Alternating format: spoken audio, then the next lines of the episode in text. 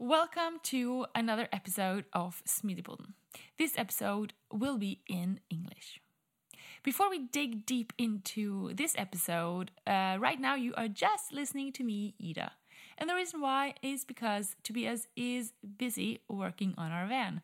Yes, you heard right. We have bought a van that we are converting into a camper van, sort of our little side project, taking up quite a bit of time if you want to know how it's going and so forth, and if we're actually using agile principles in the building of this van, you can go check out uh, miles.thevan on Instagram or Ida and Tobias on YouTube.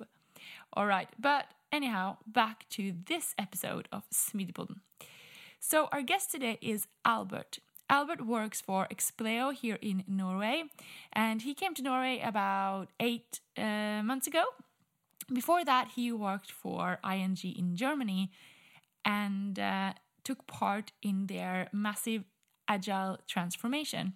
And that is exactly what he will be sharing with us today a lot of his experiences and knowledge. So, buckle up and sit down, and or you can walk you can decide. Anyhow, enjoy the ride. So, welcome, Albert.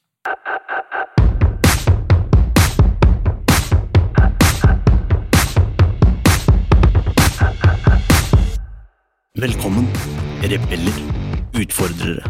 Dere som driver oss fremover og krever mer. Dere som vil gjøre en forskjell. Skape magiske arbeidsplasser med lykkelige mennesker som skaper produkter som kunden deres elsker. Men 75% av nordmenn føler lite eller ingen engasjement i jobben sin. 94% av ledere sier jo at smidighet og samarbeid er kritiske faktorer for at deres organisasjon skal lykkes. Men kun 6% av dem mener selv at de er smidige. Dette er podden som vil inspirere, gi deg konkrete tips og verktøy som vil hjelpe deg med å skape endringsdyktige organisasjoner med høyt engasjerte og motiverte ansatte som lager uslåelige produkter. Med Smidigcoachen, kurs- og foredragsholderen Ida Kjær. Ved sin side har hun kurs- og foredragsholderen, smidigtransformatøren og topplederen Tobias Falkberger. Sammen har de over 20 års erfaring med å jobbe i og lede smidige team og organisasjoner. Nå kjører vi! Welcome to Smidipodden, Albert. It's so nice having you here. Thank you very much. Do you want to kick off uh, by telling a little bit about yourself? Yes, thank you very much, Ida. Thank you very much, Tobias, for um, giving me the opportunity to join today's podcast. I'm very happy to be here.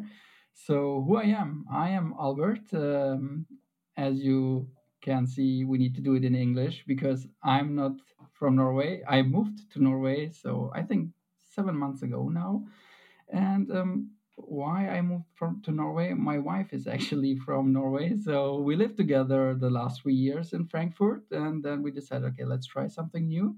So we moved here, and what I'm doing in Norway, I work here as an agile coach at Expleo Norway, which um, where we are actually starting to build the agile transformation team and agile coaching team. And where did I get my experience? I came from the ING actually, which is quite known as a digital leader in Germany and which is the first agile bank in Germany.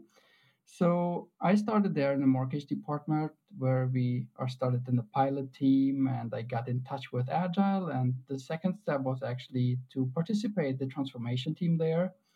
And the third step at ING was to be agile coach for the whole HR department. So there I got my whole experience the last three years about agility and I'm still fascinated fascinated from for to it and yeah that's actually who i am Yeah, that's and this is uh, kind of touching on uh, the topic of this podcast.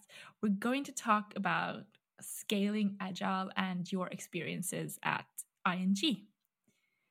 Yes, it's going to be really interesting. But hmm. maybe you can tell us a little bit more about this, like your agile journey, going from being a mortgage advisor to an agile coach. I mean, what sparked your interest and why did you take this route? yes of course so I started at the ING, and um, as I mentioned in the mortgage department, I was studying banking and finance. So I was never in touch with Agile. I have no IT experience behind. And when I started there, I started in the department which was quite open for new things. And we got the opportunity to have an Agile pilot team, it calls. So, but no one knows what it is. And um, we started to ask people who want to join this agile pilot team. There was actually some description about it. And we got a team. And the team was actually that we was the front office and the back office together.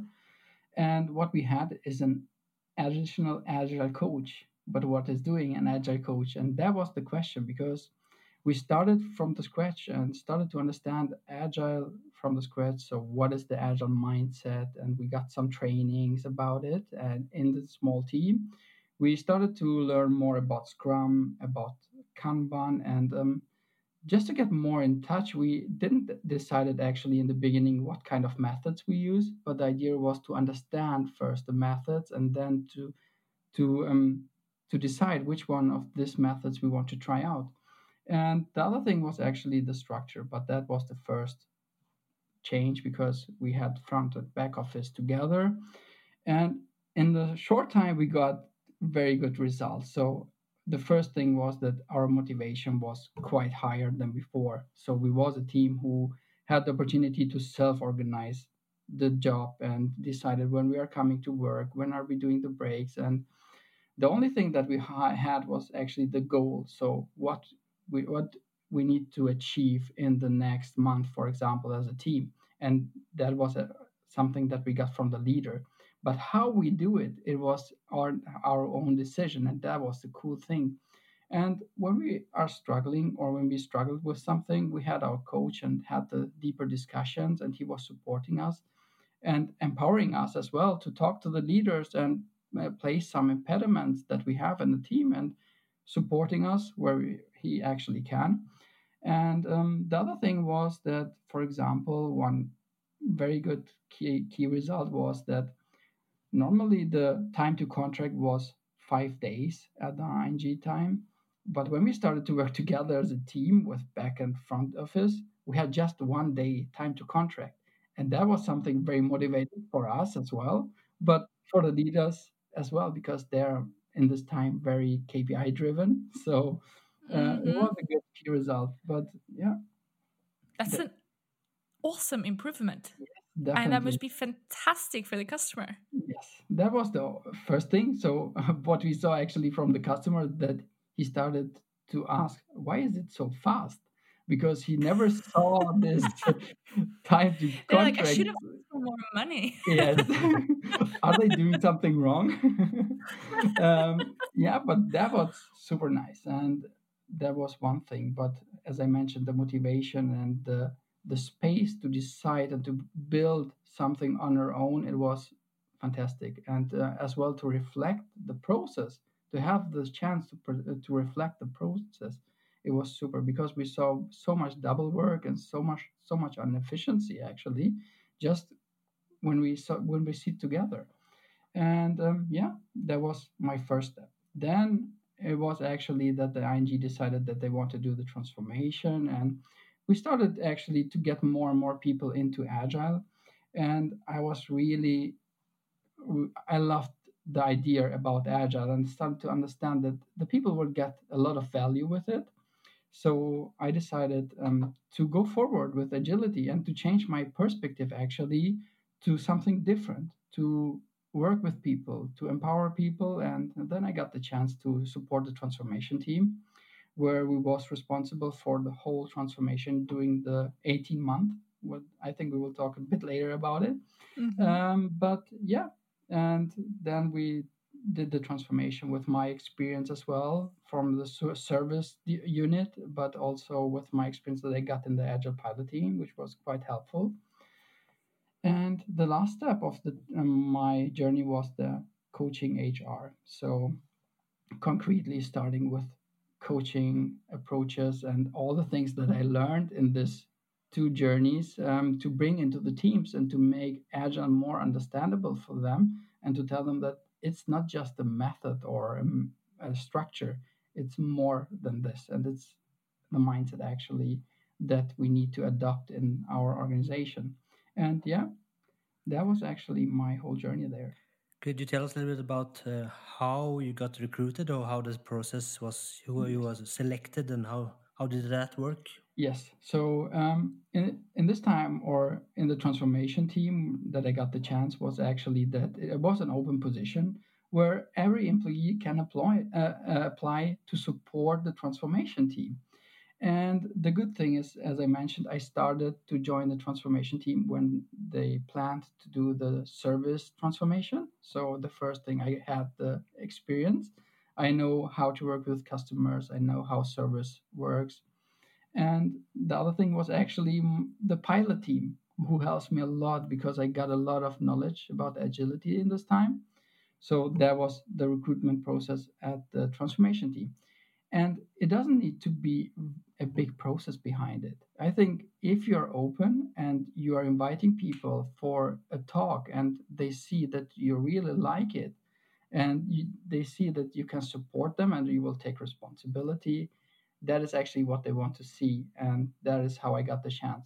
When I think back about the agile coaching position, it was a bit more because there it was a yeah you need to make sure that you have the right people that you bring into the departments so the first thing that i had is actually an interview with a recruiting guy in one of the um, transformation departments and the other thing was actually to talk with agile coaches they prepared the case or five case studies actually where they just want to see how i would react in different scenarios with um, my potential customer, which was then HR.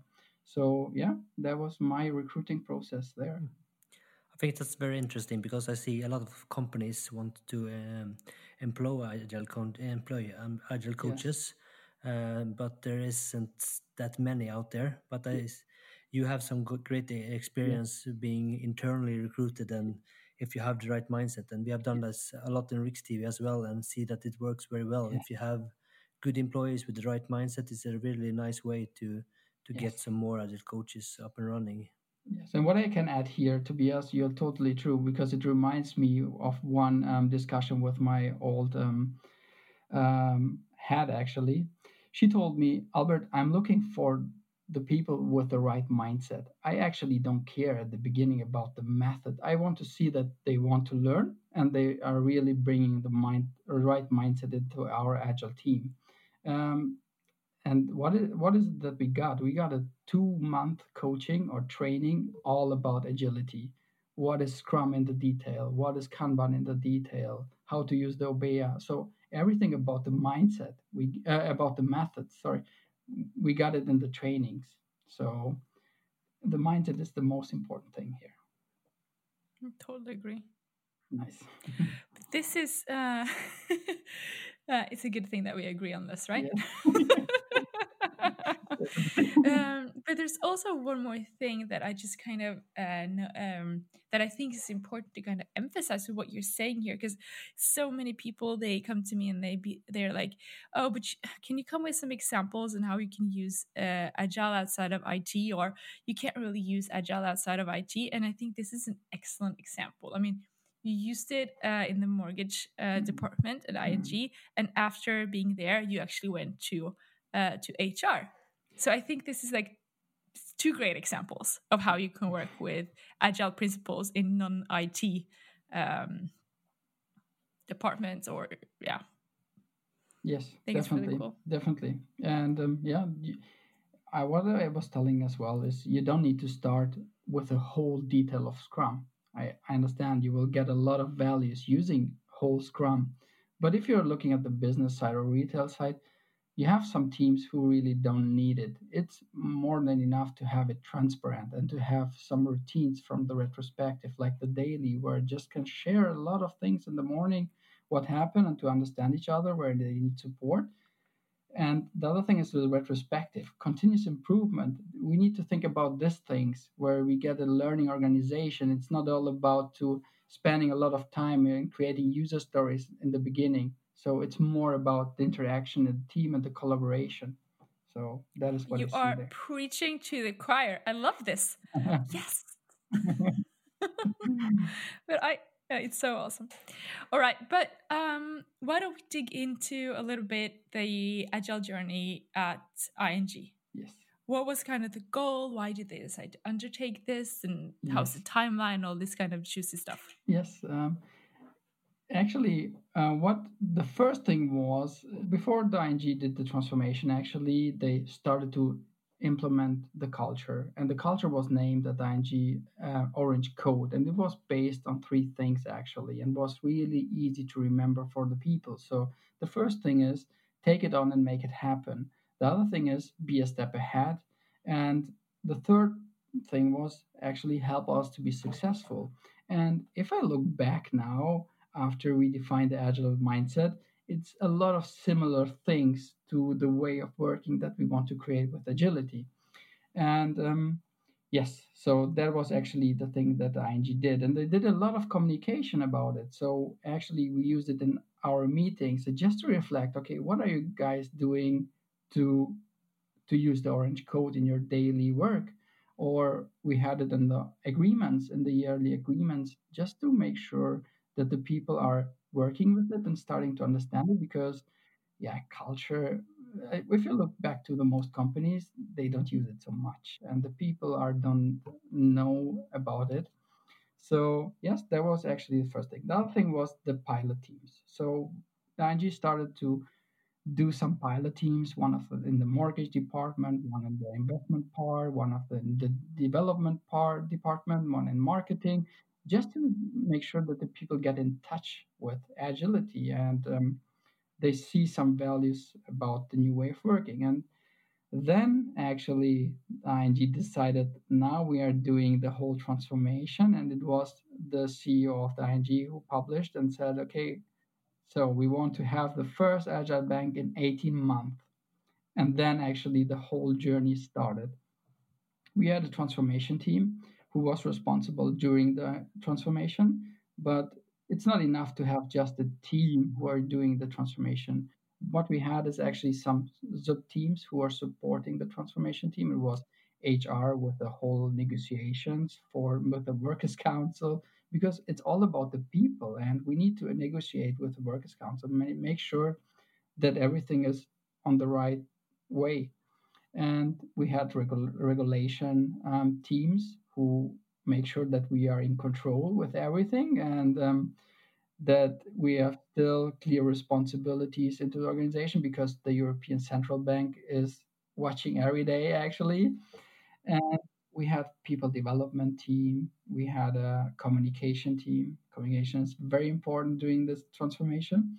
And yeah it was that was actually the whole team who did the transformation but how did the transformation look like so the idea was to do it in an agile way of working and to make it iterative so the first thing was or the first wave of three was to do the delivery transformation with 800 people and there was everything a product about the product tribes. So we had their IT people, business developer, product marketing people, where we started to create the structure.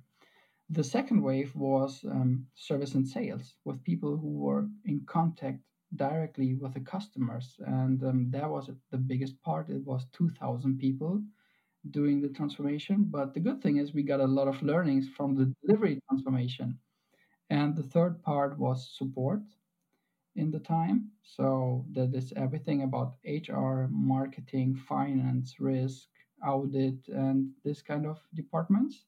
And yeah, that was actually the last part. And the good thing is you will get a lot of learnings from every wave. And so I would say support was one of the easiest because we started to know what what we will expect and what the people needs to know or want to know and yeah so there was a lot of things happen like events trainings communications and that the people started to know more and what happened with the organization.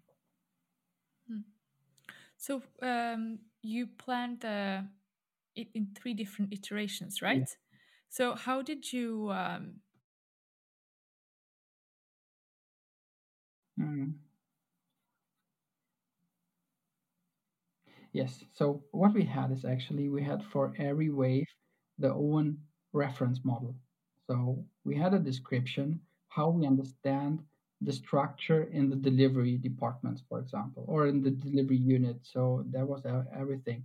What we had their own why story, why we need agile in delivery units, and um, actually there was no pre-plan before, so it was just the structure, the the overall structure that we want to have and the description of the roles and the understanding of the mindset and the understanding of the methods and um, the concrete design therefore we created a design team in during the transformation who started to go deeper to the structure and to say okay here we need a product tribe in this tribe we need this and this and this squads and in this squads we, sh- we should have this kind of people. And the design team was actually m- a mix of different people with different skills. So it was leaders, it was employees, we had people from the transformation team, we had agile coaches who are starting to design this kind of things.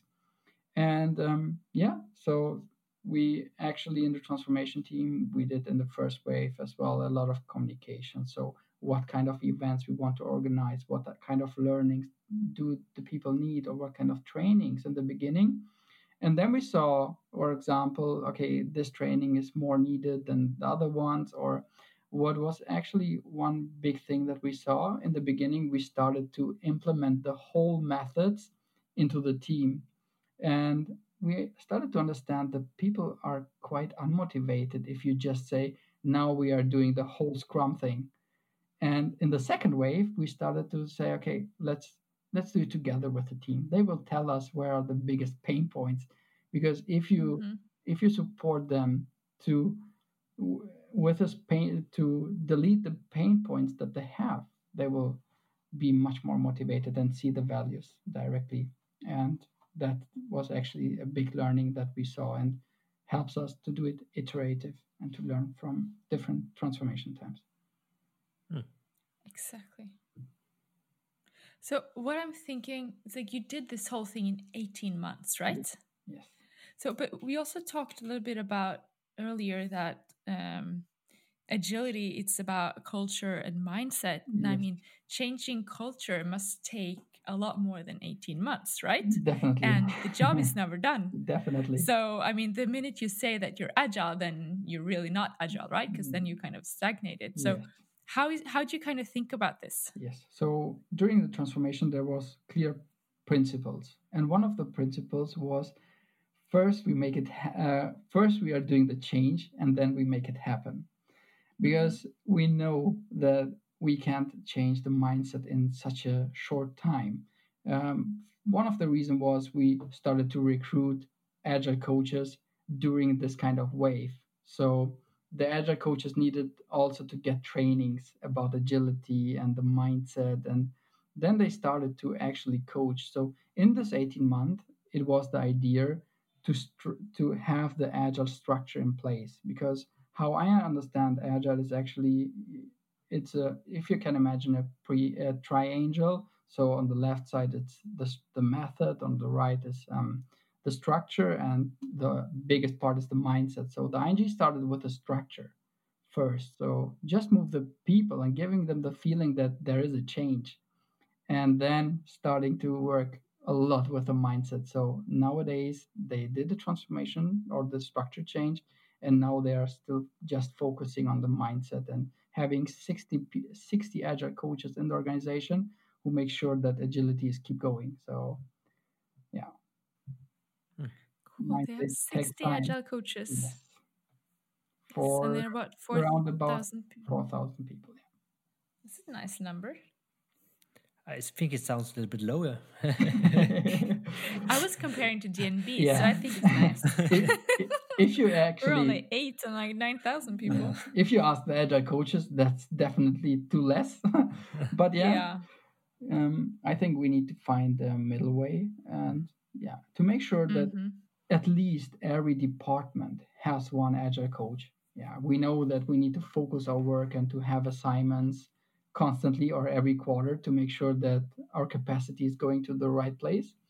But uh, yeah, the idea is actually, or we would wish to have more.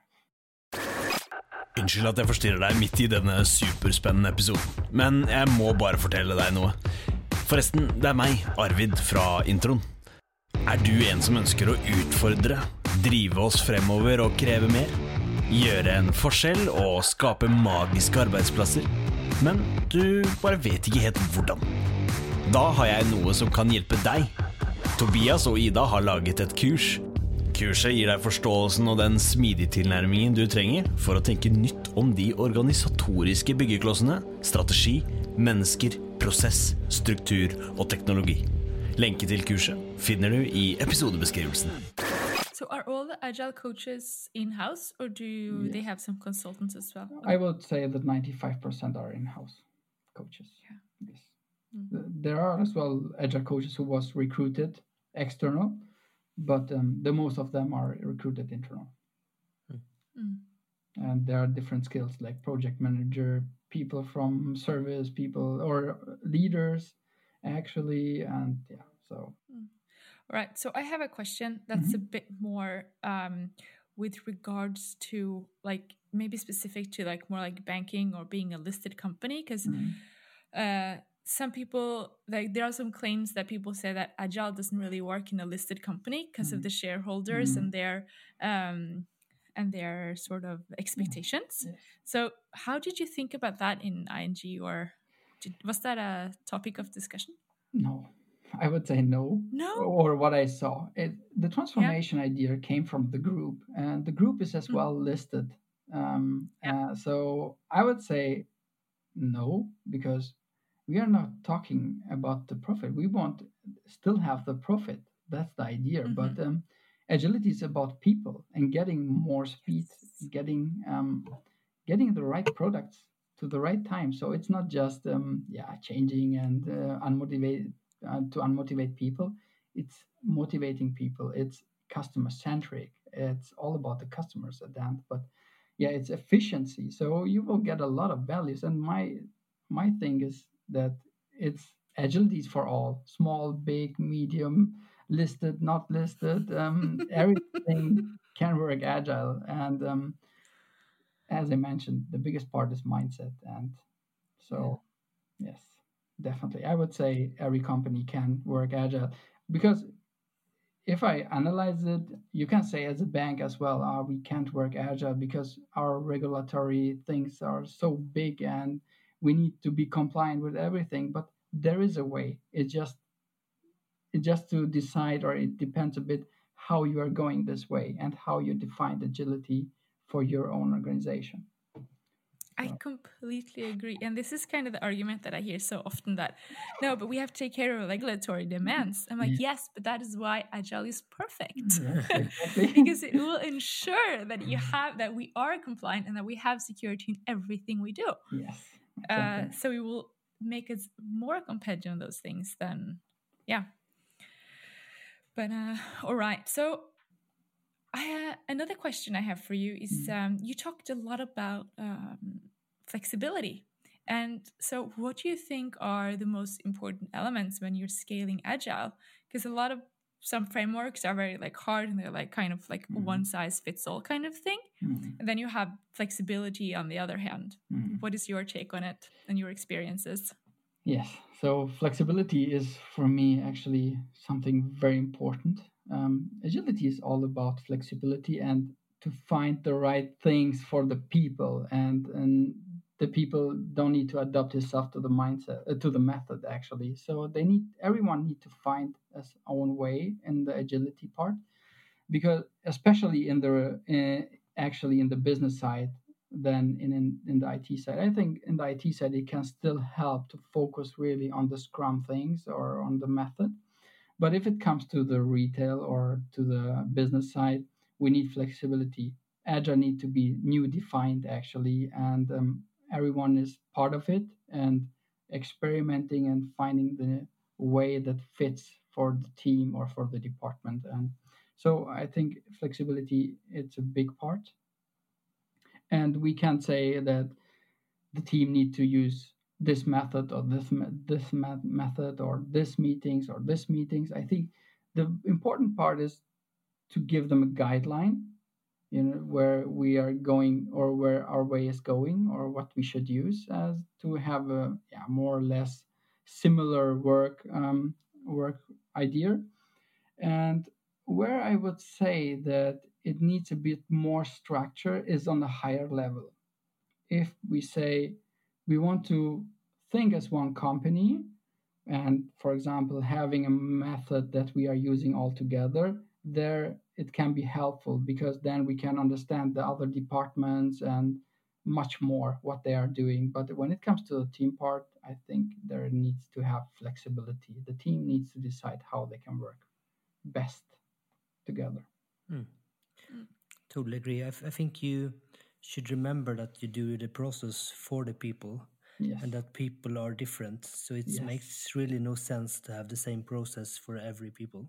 Definitely. or for all people. Yes. Definitely. That's It- very true. same thing when it comes to yeah how we want to measure this. I'm thinking the team is going to decide which kind of numbers they need to measure because they know where to improve. We are not going to control someone we're going to improve the organizations and they need to define these numbers that they say there are maybe some space where we can improve our way of working or our numbers as a team so yeah I I see there as well flexibility and not def- clear defined KPIs for the team because yeah, the team needs to decide which one kind of KPIs they can measure and they can add some new values on it. For sure. Hmm. You said a little bit about um, KPIs and Yes. and uh, so I'm I'm thinking. So how do you ensure like focus, prioritization, Mm. and thinking like one organization? alignment Yes. Alignment. Very yes. important. Yeah. Uh, very important. So what we did in this time, we had two methods um, who are very close working together in the ING because, as you mentioned, alignment, focus, priority, transparent collaboration to each other um, from unit to unit, very important. And what they did is, or what we did is actually we got we the first step is that we decided to go from a yearly report to a quarterly report. So to make our interactions much more shorter and our prioritizations shorter. So therefore, the ING decided to have a quarterly business review. And what is the quarterly business review actually? So every department in the future or after the transformation um, started to write what they did the last three months and what they plan to do the next three months and um, there actually we got the idea or the we got the idea what we are planning actually to do in our own department. So that was very important. The other thing is there was a review time. So everyone had the opportunity or every leader from the other department was writing the other um, the other quarterly business reviews actually to make to understand okay what are they doing? And that was actually the first thing. So transparent and know what the others are doing and how can we maybe collaborate or create some efficiencies. But the idea was here actually as well um, to clarify dependencies that we have to each other. Because in the in the past the leaders just went to the head of IT and asking him hey can I have your can I have five of your IT guys to implement this kind of product? And then they make the handshake and then the other lead was going to them and asking again for for other IT leads. And then we had struggled with the capacity. So the idea is here to add all the dependencies that we have to each other and then see okay how we are going to move our resources on the right way because we have clear priorities the top 5 priorities for next quarter are this and this and this. And then we can decide okay if i give you my resource are they going to our priorities or not and if we have there again some impediments in the kind of marketplace where they meet each other and discuss they will, will escalate to the board. But um, mostly the leaders will find a solution and um, prioritize it in the yeah on her own and find a way there. But it's quite good because it helps the people to understand first the organization to think as one ING and um, it's moving together on the right priorities, uh, priorities and not just pushing your products because you are the head of this department. I need to make sure that I make this product done. That's not the idea. It's we we make it as one organization, and the customer is seeing us as ING and not as a department. And so it helps a lot to um, do it iterative. But the other side is actually um, it's the Obeya. And what is the Obeya? The Obeya is a war room where everything is transparent about the department. So they have four walls. When we had the opportunity to go to the office, now we need to make it digital. But um, yeah, so the Obeya is actually a room with four different walls. So one of the walls is the performance wall. There we can see everything that happened with numbers. So, for example, defined KPIs as a health index for the department that we need to look constantly on it. But as well, OKRs, so objectives, define objective for the next quarter with the key results. And the connection is there to the portfolio, portfolio wall. So we have there as well our objectives and what kind of change things do we need to do to achieve our objectives. So helps a lot um, to understand what we are doing in the organization and where are our, our capacities are going and um, prioritize there as well. The other wall is actually the improvement wall. So, as a continuous learning organization, they need to improve and experiment constantly. And everything about, for example, how to improve the, the Obeya, how to improve the cube, the quarterly business review, how to improve our portfolio wall, how to improve our way of working. So that is something that we can add there and have it as experiment. And the fourth uh, wall is actually the action leadership wall. There we have concrete actions. Okay, we have an impediment. Who is going to solve it? What we need to do there? And there are regular meetings. So for the action leadership wall is, for example, every second day, the bi-weekly meeting, or for the whole Obeya, it's every week or every second week. It depends from the department. But we make the good thing is to make sure that we have one bank, one rhythm, that everyone has the Obeya sessions on the same week. Because if we have um, dependencies or if we have some decisions that we need from other units, we can clarify it and we can discuss it in our Obeya session and um, discuss it with all because who's participating is it's not just the leaders. We have their product owners, we have employees who are responsible for some change topics and who can give some concrete updates or address some impediments or this kind of stuff. So it's very helpful for the whole department to communicate. And how are these two to uh, connected, the Obeya and the quarterly business report. So everything that is written eh, or that we can see in the quarterly business review is actually on the wall because what we say the Obeya, uh, everything that is on the Obeya is the truth. So no one is actually looking later on the on the um, QBR or quarterly business review. Everyone, you you can find everything in the Obeya that you need, and it's open for all. So the Obeya started actually at the board level. So the board has its own bank Obeya with all the strategic topics, all the prioritizations, and then he's sharing it with um, the departments. And the departments has also all of them the own Obeya. So there we make sure that everything is transparent. And that is actually the things that I would say needs to be structured and to be similar for all employees and understand the high level of the organization. That's really cool. It's a great way of doing it. Yes, definitely. It's very helpful as well for the leaders yeah. and um, the they are communicating much much more than before and mm-hmm. i know that we had sometimes the situation where we say oh, we are get, we are starting to get too much information what we are doing uh, because so much meeting so much alignment so much things everything is transparent and then you get a, just a flood of communi- of information and which one is important now but that's a good thing now you can start to filter and to mm. understand mm-hmm. what is important for me and do I need to join? Do I need to part of this or not? Um, that's something then to discuss. But the idea is first to get a lot of information and that the people has the feeling they know everything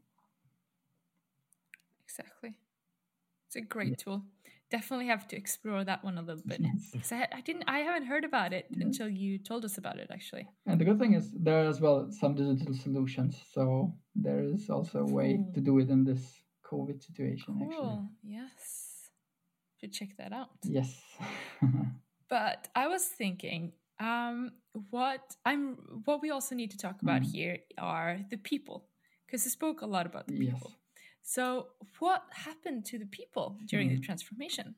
Yes, that is actually that is something that we yeah was a journey for us as well. So, um, agile was a big change. So the ING had it's a long time that they had didn't have this kind of change, and if you're looking to the organization, everyone needs to step up and to find the new way where he's going to move in this agile way of working and it's a huge change. So if we are looking to the change curve, you have everything. You have the shock phase, you have the unsafety phase.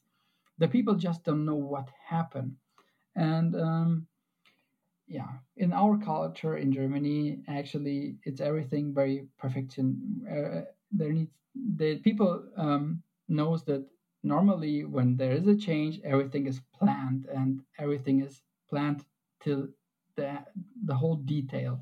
And with agility, uh, that was not the thing. So we didn't have the big picture planned, and um, we the people needed to understand. Hey guys, we are doing the first phase, then the second phase, and then the third phase. We can't tell you what what what happened, where are you going, and this thing. So they that's the reason why, for example, the board or the management team needs to communicate a lot to the people. So it's all about getting trust from the people. And the first thing that I remember is that the CEO was saying, We are not doing, we are not reducing the number of the people. We need all of you.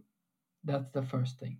What kind of roles and functions we will have in the future on this way of working, we need to find out and we need to replace it. So to find people who are doing these new roles and functions. Um, but sure is we need every one of you. What we can't guarantee is that you will still have the same job like today because with agility everything changed. Mm. And so that was actually one thing. And as well, doing constantly town halls, giving constantly updates about agility. So don't hesitate to don't share some messages. So everything that happened with the negotiation, with the recruitment process, share it with the people in the intranet to make sure that the content is there, but also having some small spaces where the people can just have a coffee with the uh, with some members of the board or with the transformation team or with some agile coaches. We invited as well people from the group from the Netherlands just to give them sharings and give them content. Okay, what happened when we have done this transformation?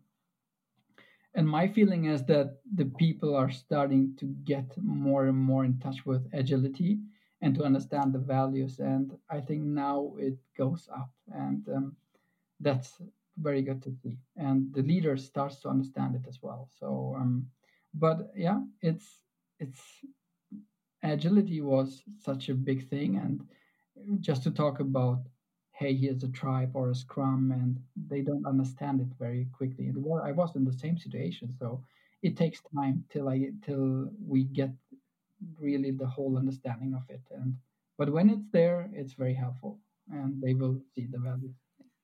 Yeah. Yes. Yes. Yes Yes. Yes. So I would say um, that every position, or yeah, 70% of the positions um, needed to be applied new. Um, and there is not just the leaders who got the opportunities to apply for a leader job, it was the whole organization.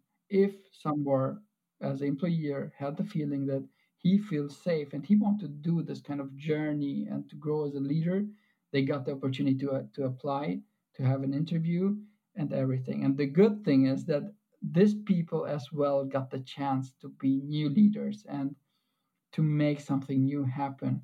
And in the recruitment process what i really liked it was that it gave the people the feeling that we are taking it really serious and that we want to do this kind of change because if not the people can get the feeling very quick uh, we are doing agility just um, just for the employees but no agility was for all of us. And um, what i can share here for example is that they had clear questions. For example where do you see your department growing in the next two years with agility? Or what are you going to do concrete what is for you agile leader. So they started to work with it and um, to get in touch more and to adapt himself to this new way of working. So we had the chance to have motivated people for it and people who want this change. Because if you just move one lead without a recruitment process to another lead to another to the new position yeah the the chance that the change is not so big it's quite high and um, yeah but i can say as well that a lot of leaders who was leaders before they have are still leaders so but they started to work more on it and they got it they got agility really as something to drive in the organization because agility without driving from the leaders can't work actually mm. And for example the board they changed also his their way of working so what they did is actually an open space office so no one of the board members like the cfo ceo has their own office they share a big table to, and sitting together there mm. so what they nice. have they have meeting rooms where they go in with the direct reports there but mm-hmm. when they are sitting all together as a board they are just in one big room and that was feeling for the people that there is a change as well. Yeah. But do they have their own like floor or closed yeah. area or was it just open for everyone or? Yeah, it was not. So actually, every employee has the opportunity to, to go there, but it was uh, the space from the board actually where they yeah, was but, working.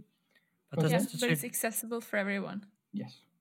That's really interesting. We actually have done the same yeah. thing in Rikstv uh, with the top management team before every top manager was kind of located uh, with their teams or mm-hmm. their department.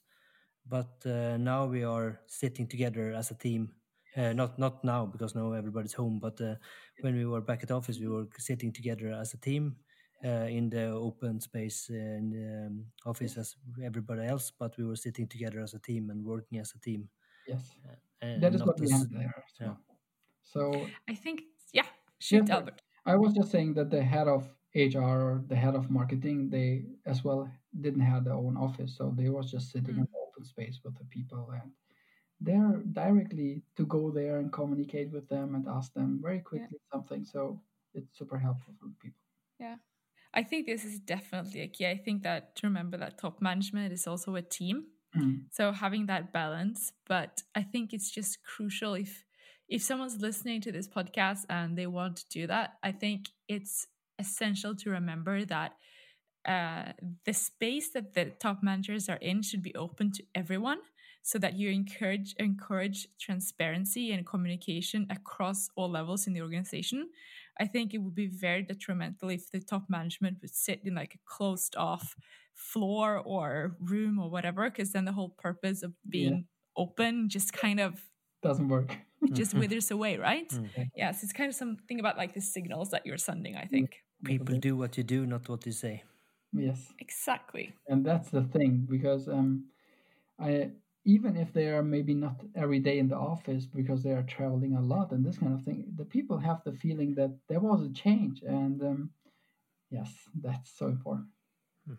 That's really cool. All right.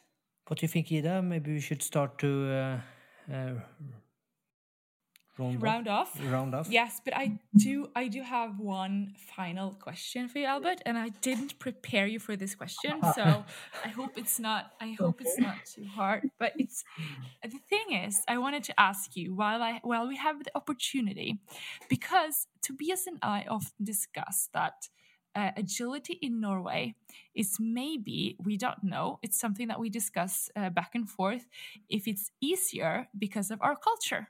Because we have this very like flat, open culture. Um, well, at least a lot of companies do, Mm-hmm. uh, versus uh, other countries. So, Mm-hmm. do you think, what are your thoughts on that? I was thinking the same like you. uh, Mhm. and I think still the same like you because um, the people are really much more open and um, Mm. they're much more easier to talk with because in Germany there's very um, there is yeah it's a bit different um, how we talk to each other how we interact with each other. But here it's more on the friend base. You can just go to someone ask them something and they're super open super friendly. Uh, but when, when it comes to agility I have the feeling that um, they don't see mostly the need of the change so quickly. Because in Germany Mm. there there was here and they started to understand okay we now really need to change something on the way of working because they're yeah actually they were they was too slowly and too slowly with new things but Norway is still very digital for me uh, compared to Germany um, but yeah I have the feeling that it goes a bit slowly here so Yeah, that- that's, this that's is a very good idea. Yeah. good point. What It's very interesting. Yeah, it's very good, very interesting because Mm. you don't really need. Um, you don't You don't really have ne- sense of urgency. No, yes, exactly. that's Yeah. the point that's Yes. So that's very interesting. Like we have an advantage because of our culture, but a Yeah. disadvantage because we don't have a sense of urgency. exactly and That's Germany really has interesting. the sense of urgency and they Yeah. Mm, yeah they got the pressure much more now we are need we now we need to do a big change and to change our mindset but yeah i think norway is starting to understand more and more that there is a need maybe not in the speed because they are quite um, mature what when it comes to the mindset but there needs to be as well a change i think It's very interesting because when um, Tobias and I were at this um, conference about a bit over a year ago in Scotland, it's called Lean Agile Scotland. It was a very good conference. And then I got talking with this uh, really smart man, a psychologist, and I said to him that I was going to be an agile coach in DNB. And he was like, never try to change a bank. They don't have sense of urgency. They have way too much money. So he was just like, don't take the job, just do something else.